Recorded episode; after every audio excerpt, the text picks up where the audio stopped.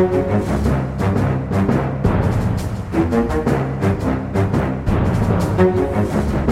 nei, god mandag, folkens. God mandag. Jo, God mandag. Altså Av og til i, i politikken så skjer det så store ting at Aftenbonden avbryter ferien eller mandagene eller hva det måtte være for å sette seg ned. Og det har skjedd denne uka og kommer til å skje noen eh, uker framover. Fordi vi i hvert fall foreløpig er på en måte, vi er bare overskylt av en eh, entusiasme, Trine. Vi er det. vi er det. Det er Makta på NRK, ny TV-serie. og vi, vi begynte å snakke om dette forrige uke, og vi fant ut og kom raskt frem til at vi kommer til å snakke så mye om dette uansett, så vi kan like så godt sette på lyd. Ja. Så nå uh, går vi i gang med uh, å debrife. Uh, rett og slett for at ikke våre andre liksom, interne kanaler og den vanlige podkasten skal bli overfylt av alt dette her. Så må vi ha en arena hver mandag. Etter en episode så snakker vi om det som har skjedd, og politikken eh, bak makta og det som foregår. Ja, og da er det viktig å si at vi kommer til å snakke om alt som er Eller det vi føler for å snakke om som har skjedd i episoden. Så hvis du ikke vil få noen spoilere Det er litt vanskelig å spoile en film basert på mer eller mindre virkelige hendelser, da, tross alt. Men uansett, hvis ikke du vil vite hva som skjer i episoden, så må du se den først, og så må du høre oss etterpå. Hvis du ikke vil vite at Gro Harlem Brundtland blir statsminister i Norge, så sett på pause nå, og så kom tilbake senere. Og så er er det jo for oss, Lars, et eh, sånn ekstra gøy poeng å se dette som utspiller seg, dette enorme dramaet vi skal følge nå gjennom eh, disse episodene. da, For det er jo et vanvittig politisk drama som spiller seg ut. Men det er også gøy for oss å se det litt i lys av det som foregår i dag. ikke sant? Så det kommer, vi, kommer, vi har jo samtidens øyne på oss, og det er litt morsomt å se denne serien om Arbeiderpartiet i lys av det som skjer i partiet akkurat nå. Ja. Ja. Og så er det, jo, det er jo litt sånn fascinerende, for dette var jo utgangspunktet, tror jeg, så skulle de lage en serie om Gro Harlem Brundtland. Eh, Det var det som konseptet er. Vi må ha, lage en, en eh, stor eh, serie som tar for seg det liksom, interessante politiske livet hennes. Og så, sånn jeg har forstått det på serieskaperne, så har de på en måte altså endte opp med at de begynner jo på et tidspunkt som for meg framstår som om ikke fullstendig vilkårlig, men som er litt sånn for veldig mange, så er det sånn ja, hvorfor skal vi starte i 1974? Eh, på en måte. Det hva, hva er det egentlig som skjedde da? Eh, og, og ta for seg et helt persongalleri, ikke sant? For at dette plukker jo opp når eh, da eh, partileder, statsminister eh, Trygve Bratteli er i ferd med å ved en nesten sånn det er god gammel inkurie, er i ferd med å varsle sin avgang som partileder. Eh, og så liksom, følger vi dette posisjoneringa av en haug med mennesker som jeg vil anta at mange av seerne og også våre lyttere har et litt sånn varierende nært forhold til. Så vi må bare ta en liten sånn eh, bakgrunns... En runde her for å få satt dette her.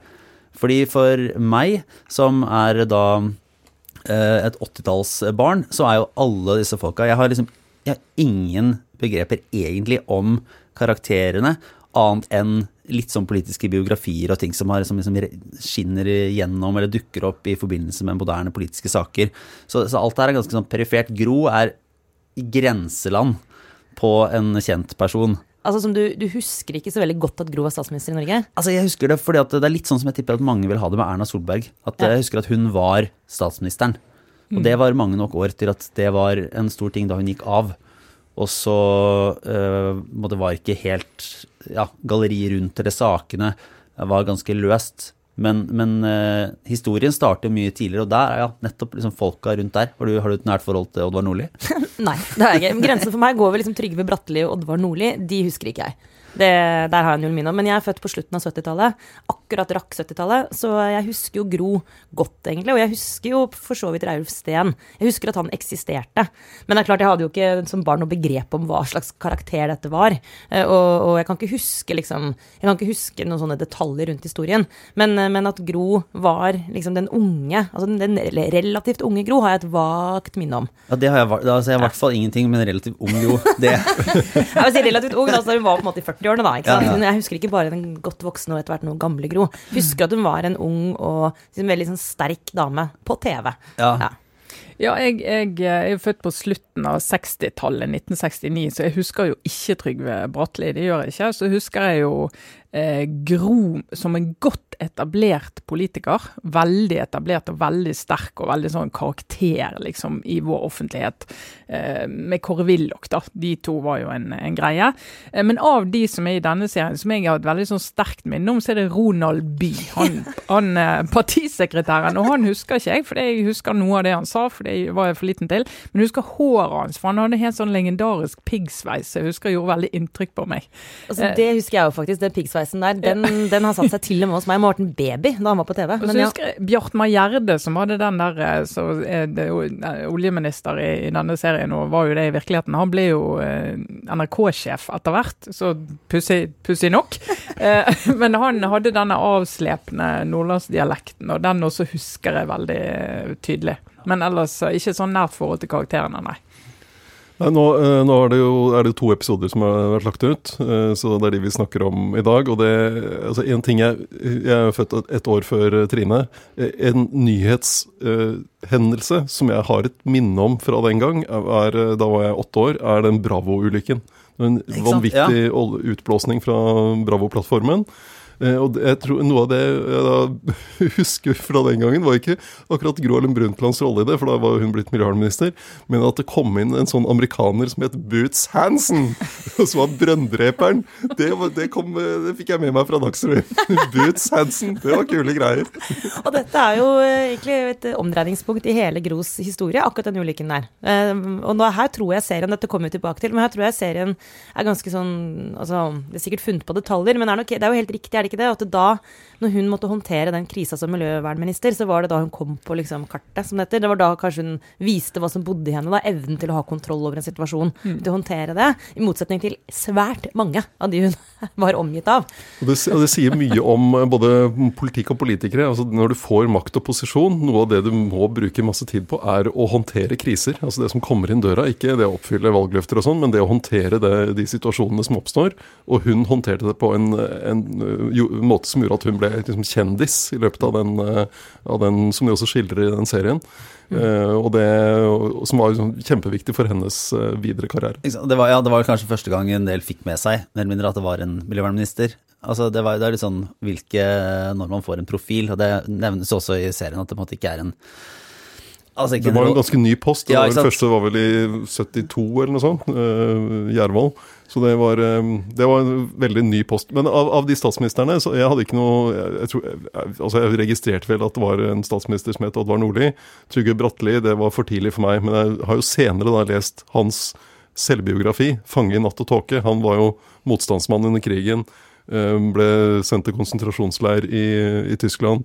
Og ble så vidt liksom, reddet ut i siste øyeblikk og veide 47 kilo da han ble hentet av de hvite bussene. Og var visst preget av det, tror jeg kan det virke som. Nå satt jeg jo i går kveld, sånn som mange kommer til å gjøre, og leste på Store norske leksikon om uh, Trygve Bratteli, for eksempel. Er- men uh, men liksom, du blir jo opptatt av at han bar jo med seg en historie. Vi kan ikke tid til å gå inn i det nå, men som du så vidt tegner opp nå, Kjetil, som jo visstnok skal ha på en måte vært medvirkende til at han var en sånn taus raring i politikken. Sånn som han blir fremstilt i serien. Som kunne sitte i møter og bare ikke snakke, liksom. Ja, og så er det jo, det, det er jo, Hvis vi skal snakke om grepene de gjør da, i Ja. serien, og hvordan de har lagd den, så er det jo uh, de, de karikerer det jo. De, det er jo satire, de tar jo masse satiregrep her, så de gjør jo han, han sier jo de har jo dratt hans personlighetstrekk sannsynligvis veldig langt ut. Eh, og også det i det møtet når uh, Gro Harlem Brundtland da blir spurt om å bli miljøvernminister. Veldig overraskende på henne. Og så sier han at han kunne godt tenkt seg en avklaring i løpet av noen måneder. Det var ikke det han sa. I, dette beskriver Gro Harlem Brundtland i sin biografi som jeg har her, og hun fikk noen timer på seg. Men, men det er jo det som er de grepene de tar. ikke sant? De, det er jo litt sånn thick of it-aktig. Uh, og det, jeg synes det er utrolig godt gjort. det er veldig godt gjort. Og så eh, må, må jo, for det, Den hadde jeg nesten glemt, den der eh, møbelhandlersaken. da. Eh, For det, også Arvid Engens jo en helt fantastisk karakter i denne serien med Trond Espen Seim. Han, han visste vi jo ikke om, eller det var ingen som visste om han på den tiden der. Og det var jo en stor skandale når det kom frem at han hadde sittet med denne båndopptakeren som vi ser, og tatt opp telefonsamtale på telefonsamtale på telefonsamtale i Arbeiderpartiets indre liv, og bare lekket og holdt på. Altså helt egen liga. Men det er, det er så, det er så det ble ikke kjent før i 1989. Og det husker jeg nemlig. Jeg husker at den saken ble kjent. Jeg kommer jo fra Romerike, så Jessheim er ikke så langt eh, hjemmefra. Og jeg bare husker den derre møbelhandler, møbelhandler Jeg første, Møbelhandleren på Jessheim. jeg bare, Hæ, hva er det for noe? Møbelhandler? Jeg bare, det var alt med det var bare så mystisk og rart. Men jeg merker at dette har jeg hørt om på en måte i eh, som en sånn eh, politisk mytologi, ikke sant? for at du kommer inn og jobber med politikk som journalist i- nå etter hvert ganske mange år, så har man på en måte hørt noen av de historiene. Og, og det er helt sikkert skrudd til, eller det er det åpenbart, for de har liksom gått litt sånn over the top uh, for effekt. Men det er bare for å si kjernen i denne karakteren er sann. Altså, det er, på det, det, er, det er en sann historie om at det satt en møbelhandler og ringte rundt til de ulike toppene i Arbeiderpartiet. Ty, på et eller annet vis, jeg vet ikke, liksom tonen og sånn er jo vanskelig, og det kan jo ikke Bruce ta som fakta her, men, men klarte å få uh, få til liksom ganske sånn dype eller konkrete politiske samtaler med topp, topp etter Ja. topp, og, og, og, og tok det opp og sendte det videre til Dagbladet. Det er en helt eh, vanvittig historie, men det som jo også skjedde, og det, vi, dette, dette har vi nå bare fått sett starten av, da, uten å på en måte spoile det som kommer i, i episodene vi skal se etter hvert, men han ble jo også brukt Her er det sånn, hvem bruker hvem? Fordi han ble også brukt særlig etter hvert av Reiulf Steen, veldig aktivt, da, for å nettopp liksom fortelle ting som, som han visste at skulle da plantes i f.eks. Dagbladet. Så det ble jo etter hvert, så han blei jo en sånn brikke òg, ikke sant? Men samtidig så var jo han utnytta jo folk rundt seg like mye, og satt jo og spilte disse her politikerne som sånne marionettefigurer på et eller annet tidspunkt. Kan det nesten virke som. Så det er bare sånn dypt, dypt fascinerende. Helt sånn vilt at han som en karakter fra ingen steder kan komme inn, og i en liten periode hadde han sannsynligvis reell makt i Norge. Og her har vi en veldig fin tråd til dagens Arbeiderparti. ikke sant? Da var det en møbelhandler på Jessheim som var edderkopp.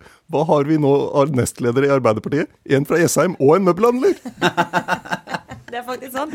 Men skal vi snakke litt om det formgrepet før vi går inn i Ja, ja for jeg historien? tenker Ja. det, det er jo to ting da, som, er, som jeg syns er, er interessant, og, og som gir serien eh, på en måte særpreg ut fra de to første episodene. Og det er spennende å se hvordan det på en måte setter seg og fortsetter. For det er jo, eh, det er jo ganske sånn påfallende. ene som er det at de, det foregår egentlig da i starter i 74, men eh, folk fyker forbi på Voi, og der operaen er i bakgrunnen. og på et sånn møterom så ser du at du har en sånn derre digitalmøtekonsoll på møtebordet, samtidig som gardinene er eh, mørkebrune og ser ut som det er fra 70-tallet. Som jo er et, eh, et sånn friskt grep. Hvordan det, det tok liksom det, Av og til så, så merkes det jo. Og, men jeg syns det virker kult og forfriskende, men det er jo et eh, merkelig Ja, uvant synes- det- måte å gjøre det på. Det var veldig rart, men akkurat som en del av de karakterene som overhodet ikke ligner på de de spiller sånn fysisk i det hele tatt, da.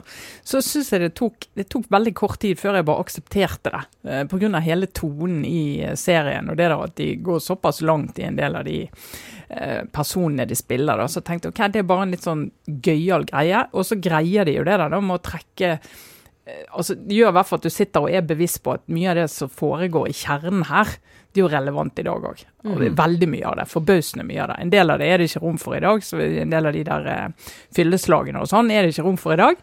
Eh, men på saksnivå og liksom en del av den maktkampen og sånn, der er det jo ikke så mye som forandrer forandret seg. men det, lurte det lurer jeg på, for at de gjør jo og det, det sånn, synes jeg kan være litt vanskelig å forholde meg til, for underholdningsbiten av det er jo, er jo kjempebra og, og høyt nivå, og jeg syns det er kule grep, for, og, som jeg bare sånn- Jeg liker at de tar den der litt sånn ironiske distansen, som på en måte gjør det enklere å si. ikke sant? De slår helt fast fra starten av at det er basert på sannhet, eh, løgner og dårlig hukommelse. Eh, som, som jo sier at dette alt er ikke sant.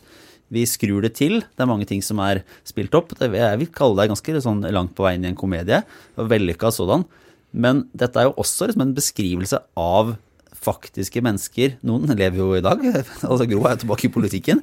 eh, Men eh, som, som eh, har og hadde kjempestore problemer. Og, som var en generasjon, en fascinerende generasjon av disse karene. på en måte, som har, Det er jo nerver og psykiske problemer og alkoholproblemer og uh, trøkker over hele linja, da, som spilles ut. Så jeg bare lurer på om det liksom blir mer De kan jo si det er kunst alt de vil, men dette former jo et bilde av f.eks. Ja, Trygve Bratteli, Olvar Nordli, eh, Reiulf Steen. Jo, men, Er- ja. ja. men liksom det, det de syns jeg lykkes med med det grepet, er at de viser jo på en ganske sånn smart måte, selv om jeg mistenker at det grepet først og fremst er budsjett, eh, budsjettfaglig. Det er utrolig hvor mye enklere det er å lage denne serien uten å måtte gjøre hele Oslo om til 1974.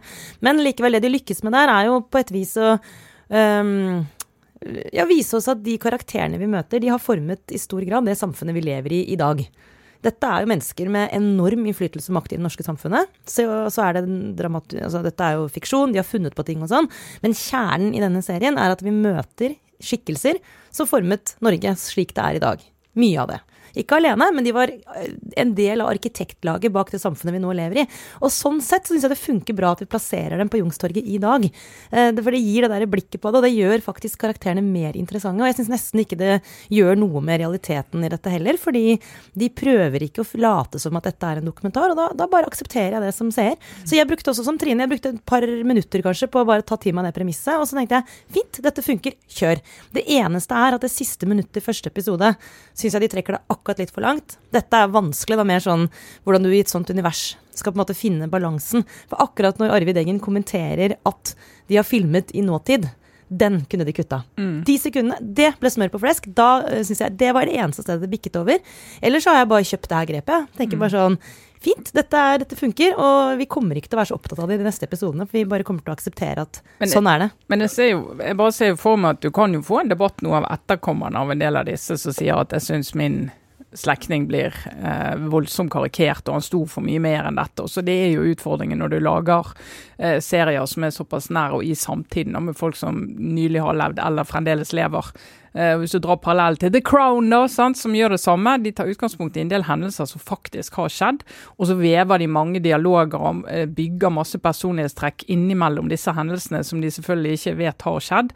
Eh, men samtidig så får vi liksom et inntrykk av at ja, vi er ikke helt eh, vekke, men jeg syns de har gått såpass langt i å vise at det ikke er altså dokumentar eller et forsøk på å Men- fortelle en helt sann historie. Men, men uh, de, altså The Crown de prøver jo og De har jo et svært team som driver research og prøver å finne altså De prøver jo å fortelle en sann historie. Her har det jo Det var noen som skrev at dette var nær, nærmere Nytt på Nytt enn Politisk kvarter eller Dagsnytt 18, det som er gjort med makta. Og det er litt sånn Death of Stalin, den filmen, som også var sånn Det var heller ikke en dokumentar, det var veldig morsomt. Ja. Så det, det vil jo forme synet på de personene. Altså, For, eh, så det, så, sånn er det jo bare med en sånn serie. Ja, for jeg har jo Men- ingen Jeg kjenner jo ingen Nei, så hvis du da skal vite hvordan Trygve Bratteli er, så må du gå tilbake til uh, 'Fangenatt og tåke' og de andre bøkene. Men det er sånn på en måte De må ikke, de må ikke da late som at eh, at det er noe annet likevel. Altså, det, er, det er jo den, nettopp den kombinasjonen som gir den spenningen. Da, at det er satiregrep, og de forteller også en historie der du har elementer som er ganske viktige elementer, som er helt Altså, det skjedde. Mm. Og det er ikke store altså Av de mest eh, dramatiske tingene, det sier også Kristin Grue og hun Silje Storstein, som har skrevet serien i et, i et intervju med uh, Rushprint, uh, Kjetil Lismoen der, så sier de at uh, de drøye tingene har vi ikke funnet på.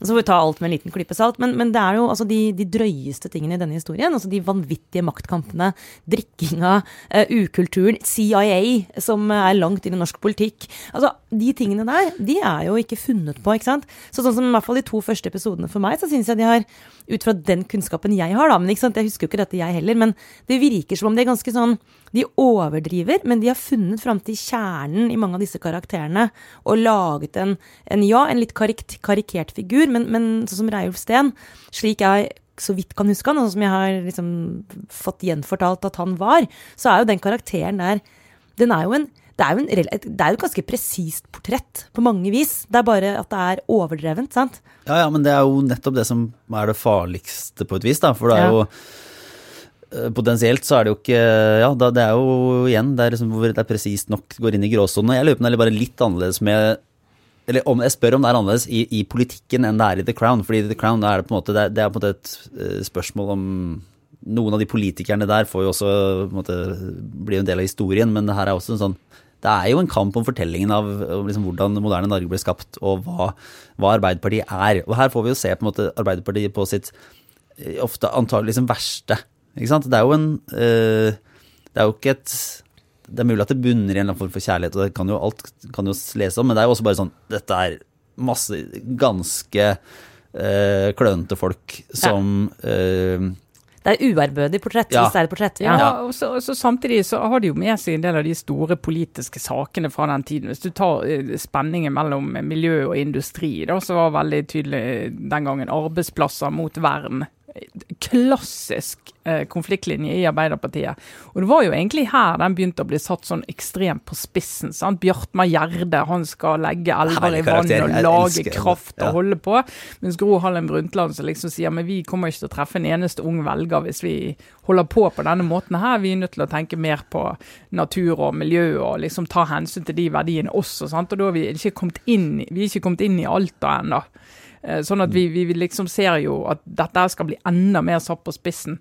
Og den konfliktlinjen har jo de hatt med seg hele tiden, og den er egentlig ganske saklig fremstilt, syns jeg. Uh, ja, de, de, drar jo den ut òg. Det er jo det de gjør i den serien her. De gir, det er akkurat som karikaturtegnere i avisen. De gir folk som har stor nese, ekstra stor nese. og det gjør de jo når de beskriver det, det partiprogrammet som eh, Reilf Steen sitter og skriver om, om, nettopp dette spørsmålet om, eh, om vern og sånn.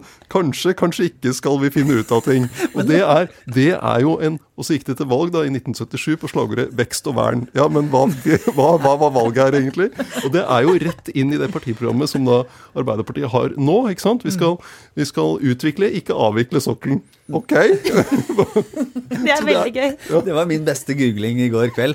Det var den derre Det sto ikke det i partiprogrammet, gjorde det? Måtte liksom dobbeltsjekke. Fordi du tegner et bilde. Men, nei, men det er jo helt sånn Det er jo utrolig uh, tydelig, og de, den, de skillelinjene som kommer opp, da, ikke sant? vekst og vern, uh, ikke minst sånn arbeider, akademiker, mm. som er ganske fint. fordi Gro kommer inn og er, på en måte, er det sånn ja, Er hun egentlig gått på Harvard? Ja, ingen er perfekte. Det er et, Snakker engelsk, hun Ja. ja. uh, og det er ikke bra, den derre Hardangervidda-spørsmålet, liksom, som er sånn nikkers adelen. Du ser jo bare Jonas Gahr Støre med liksom skinnfell og hallingskarve og eh, måte ja.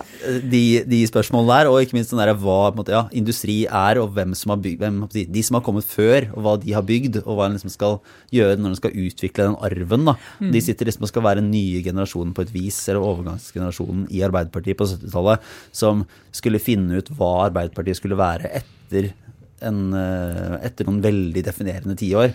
Også veldig fascinerende med den Gerhardsens rolle, da. Han også blir jo veldig karikert med den der, der jublende konfetti og alt når han dukker opp, sant. Med den posisjonen han har. sant? De klarer ikke helt å han liksom vært statsminister så lenge og så mange dager at de klarer ikke å telle, ikke engang han. Eh, så han kommer inn som en sånn gud og sier neimen vi har problemer med, med å finne en eh, løsning på dette lederspørsmålet. Vi deler rollen i to å ha én statsministerkandidat og én partileder. Det går sikkert kjempefint. Det har de jo aldri gjort, heller ikke senere, vet vi. Men det er jo ja, det er fint, da, for det, her, det, er jo også en, det er jo en, en måte, fakta fra mm. uh, Arbeiderpartiet både i den perioden og, og opp mot nyere tid, at det er jo utrolig vanskelig å legge fra seg en sånn eh, maktposisjon. Og, og det, er liksom, det, er jo måte, styrken til Arbeiderpartiet har vært. At man vet å bruke makt og forstår mekanismene og kan få det til. Og liksom, svakheten er at det kan være vanskelig å begrense det litt. Så det blir mye interne maktkamper. Men når du ser, det er jo sånn Håkon Lie, altså det er jo sånn de, de svære eh, skikkelsene har holdt på. For de har ikke helt klart å ta fingrene bort fra fatet. De må liksom, Det er stadig en eller annen beslutning eller en eller annen personkabal der de kan komme inn og måtte legge tommelen på vekta. Men se for dere at Jens Stoltenberg hadde kommet inn altså nå, dette er jo, sant, Det er jo mange paralleller her. Uh, vi er i denne serien i et univers hvor Einar Gerhardsen har gått av, men sitter på bakrommet. Men, men vi ser et parti som bakser og sliter liksom, i kjølvannet av en sånn storhetstid og en veldig veldig sterk leder. Og trøbler med å finne ut både av politikken og av mannskapet sitt. Og det kan jo være en parallell her. Men forskjellen er jo at Stoltenberg, eh, det skal han ha for. Han har i hvert fall så vidt vi vet, da. Det er mulig det er noen bakkanaler som ikke er kjent for offentligheten, men så langt vi vet, så har han jo vært helt ute av norsk politikk siden han dro til Brussel. Men se for dere at han kom inn nå på partikontoret og var litt sånn ok, folkens. Nå bare må vi få ordnings. Og komme med et forslag. Det hadde jo glidd gjennom som varm kniv i smør hvis han hadde gått inn altså det, jeg, altså, det kan jeg ikke se for meg noe annet enn at hvis han hadde valgt å bruke den makten sin, så hadde han i hvert fall fått uh, gjennomslag. Ja, og, og, og bare en akkurat Om sentralbanksjef, var sentralbanksjef, f.eks. Ja, for eksempel, ja, det er sant. men, men, det er jo eh, altså det, den uh, som jeg tenkte litt på i går da jeg så det, den, den, skildrer jo en sånn fase, noen år, da, der du har et ganske stort generasjonsskifte i det partiet. Den, uh, som de som kom hjem etter krigen i 1945, og så styrte landet og bygde landet og sånn i årevis regjering, og jeg husker ikke hvor lenge de satt i regjering engang, som byttes ut med med en ny generasjon. Uh, og det, det, er jo Hvis vi ser i år, da, uh, det som har skjedd i Arbeiderpartiet, så hadde jo et grep i forbindelse med landsmøtet der Bjørnar Skjæran ble skvisa ut for å få to nye unge nestledere. Og du så jo nå i forbindelse med endringene i regjering hvordan uh, Arbeiderpartiet liksom forynger, fornyer og forynger laget sitt. Så også en interessant liten parallell der. Mm. Altså, hva syns vi om eh, får ta en liten runde til, til slutt her, og det kommer vi jo tilbake til etter hvert. De ulike karakterene sånn sett. Jeg vil si Skuespillerprestasjonene er Det er veldig, veldig mye kule karakterer og eh, gode skuespillere. Altså, jeg synes, altså, Bjartmar Gjedde er en rå figur, uten at jeg husker verken eh, NRK-sjefen eller, eh, eller noe annet, liksom. Og, og Reiulf er jo han er ho, altså Per liksom første to episoder så er han egentlig hovedpersonen. Og jeg skjønner jo hvorfor man dras dit, eller hvorfor serieskaperne også har blitt liksom eh, dratt i den retningen at de, de forteller historien rundt han. For han er jo en utrolig sammensatt figur. En veldig sånn troubled guy, og det var han jo i virkelighetens liv også. Og det, det har de ikke funnet på, altså de tingene han sleit med. Ja, det er helt sikkert overdrevet, men han sleit med angst og alkoholisme og levde et utsvevende liv. Det var mange kvinnehistorier. Altså det, det er mye her som er, så vidt jeg kan forstå, helt, altså. Som Jeg, jeg, tror, jeg tror ikke nødvendigvis man har skrudd på altså, De Nei. personlige problemene til en del av de involverte tror jeg ikke de har Eller ja, Ja, og det, det- det kan man spørre seg om, men det er ikke nødvendigvis jazza på så voldsomt mye. Nei, men at Men han klarte så- å bli dritings natten før han skulle holde landsmøtetale, det er jo helt det, det er nesten ikke til å tro. Men, det det, gjorde jo. ja. Det gjorde han jo. Men det som jeg syns er et tankekors, både i denne serien, enn så lenge, da, men det kan jo endre seg, men også i forhold til min egen måte å tenke på disse figurene på, det er jo hvor lite opptatt i hvert fall jeg kan snakke for min egen del, hvor lite opptatt jeg egentlig har vært av Gro Harlem Brundtland.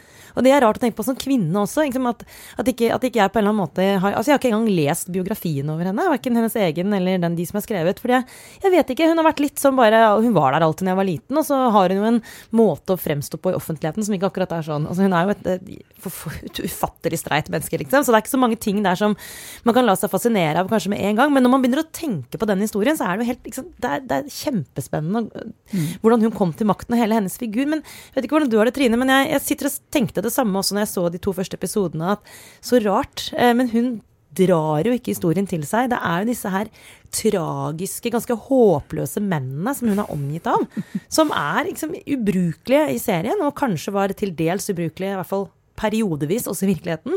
Men det er der liksom dramaet er, det er der maktkampen utspiller seg. Når hun sier sånn 'Jeg vil ikke være med inn i den vareheisen og snakke liksom i bakkanaler', så er det litt sånn Nei, men da er du ikke med på drama heller.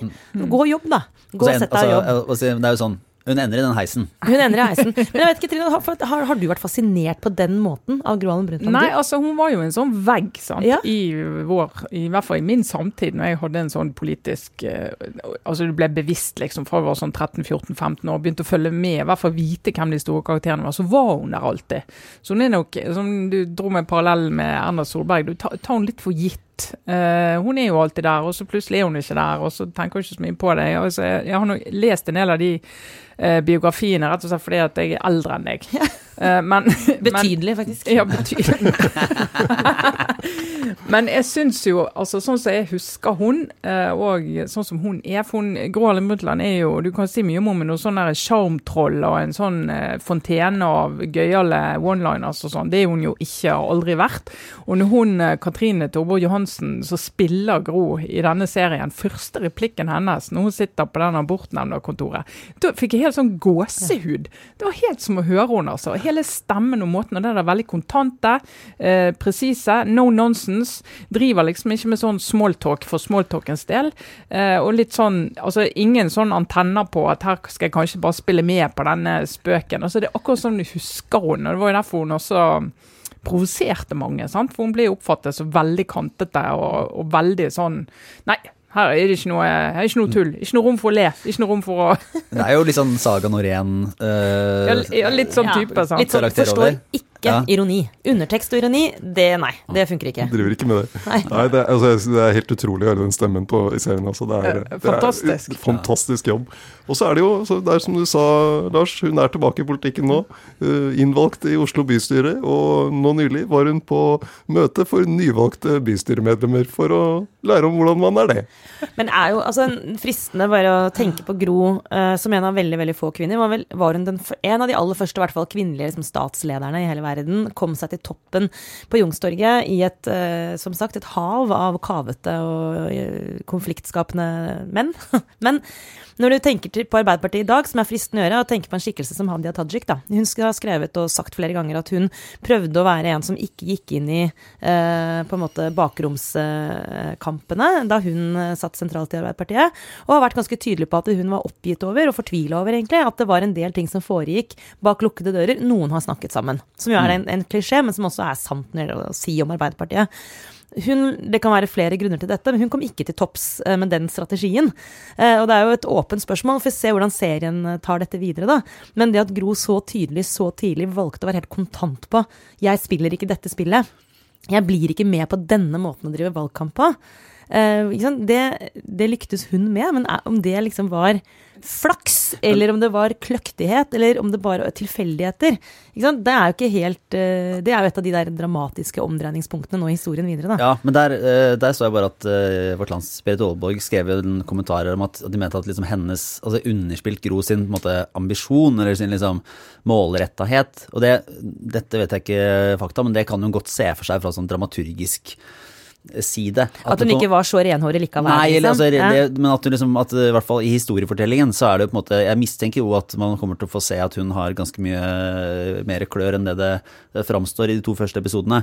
Og da, det er jo kanskje liksom en Ja. grunn til å hennes liksom eh, historienarrativ. Ja, ikke sant, vil vel antageligvis innebære at, at du ser at hun har litt mer bitt enn det, enn det framstår, da. Og at det kanskje ikke er så lett å holde på de prinsippene, men det er jo liksom Det er lett å tegne det opp som en eh, som en veldig klar motsats til disse gutta i, starten. Men det er jo en god parallell i at selv om hun kommer inn i det, men litt sånn fra utsiden, sant? kommer inn som lege, har sittet i abortnemnd, har engasjementet sitt der og har liksom ikke gått den der helt vanlige veien, da, eh, så blir hun jo dratt inn i de der konfliktene. sant? Eh, Så Altså hun, hun bytter jo bort hun- hun eh, en sånn- av sine gode kjernesaker i en politisk hestehandel. Ja. Eh, etter da liksom, eh, i, i episode to. Ja, så Hardanger, Vern av Ja, Hardangervidda. Ja, det er riktig. Sånn Ja. Så hun vi får ta det litt seinere, Ja. altså sånn pragmatisk eh, på det. Og så har hun jo, eh, når hun blir nestleder i Arbeiderpartiet, eh, så, så ser jo det nesten ut i serien som at det er nesten hun bare snublet inn i det. Eh, og det å tenke at hun har hatt ingen vilje der, og ikke liksom på noen måte mobilisert, at det bare har vært en løsning på et problem for de gutta, det er jo, eh, sikkert en del som tenker at det var litt mer vilje bak det enn det, da. Men nå er jo bordet dekket, da, eh, etter disse to episodene. Jeg tror det kommer bare én episode i uka nå fremover. Det kommer liksom to nå denne helgen, eller på søndag. Så er vi på en måte i en- en fase som er altså nå, nå er det liksom hva som skal skje med Rausten, hvordan han skal håndtere dette galopperende misbruket sitt og sine personlige problemer videre. Denne statsministeren som egentlig ikke helt funker. Gro som jo er fortsatt veldig sånn ubeskreven og sikkert litt overdrevet, men litt sånn har ramla inn i det hele. Men jeg elsker den måten jeg har satt opp dette persongalleriet på nå. Mm. For nå er det liksom bare å buckle up, fordi det blir jo ikke noe Det her er jo ikke smult farvann, det de Nei. skal inn i nå. Og så er, og så er det jo det her den, Det som er faktisk eneste sånn ordentlige spoileren fra eh, episode to, er liksom slutten med den derre valgvaka. Ja. eh, seieren, tapet, seieren, er også sånn eh, Bare for å slå det fast, for det skjedde også. Noe som er helt vanvittig. Den konvolutt med de Ja. stemmene, den skjedde. Det skjedde. er helt vildt. Og den scenen der de på en måte først har tatt en sånn ordentlig oppvask og sagt det de mener, og så får en sånn Ja, eh, bra jobba. Men Eh, gratulerer, da, folkens. Utrolig bra. Men det er jo den der høyre-venstre-skisma i Arbeiderpartiet kommer jo til å bli sterkere og sterkere, for nå kommer jo høyrebølgen. sant? Nå kommer den sigende inn, og de merker jo det allerede. sånn at det blir jo en heftig Ja. problemstilling i neste episode, regner jeg med. Ja. Nei, men eh, det var gøy. Eh, Det er en, det var en god start, er det ikke det? Å, jeg er begeistret, det må Ja. jeg få lov å si.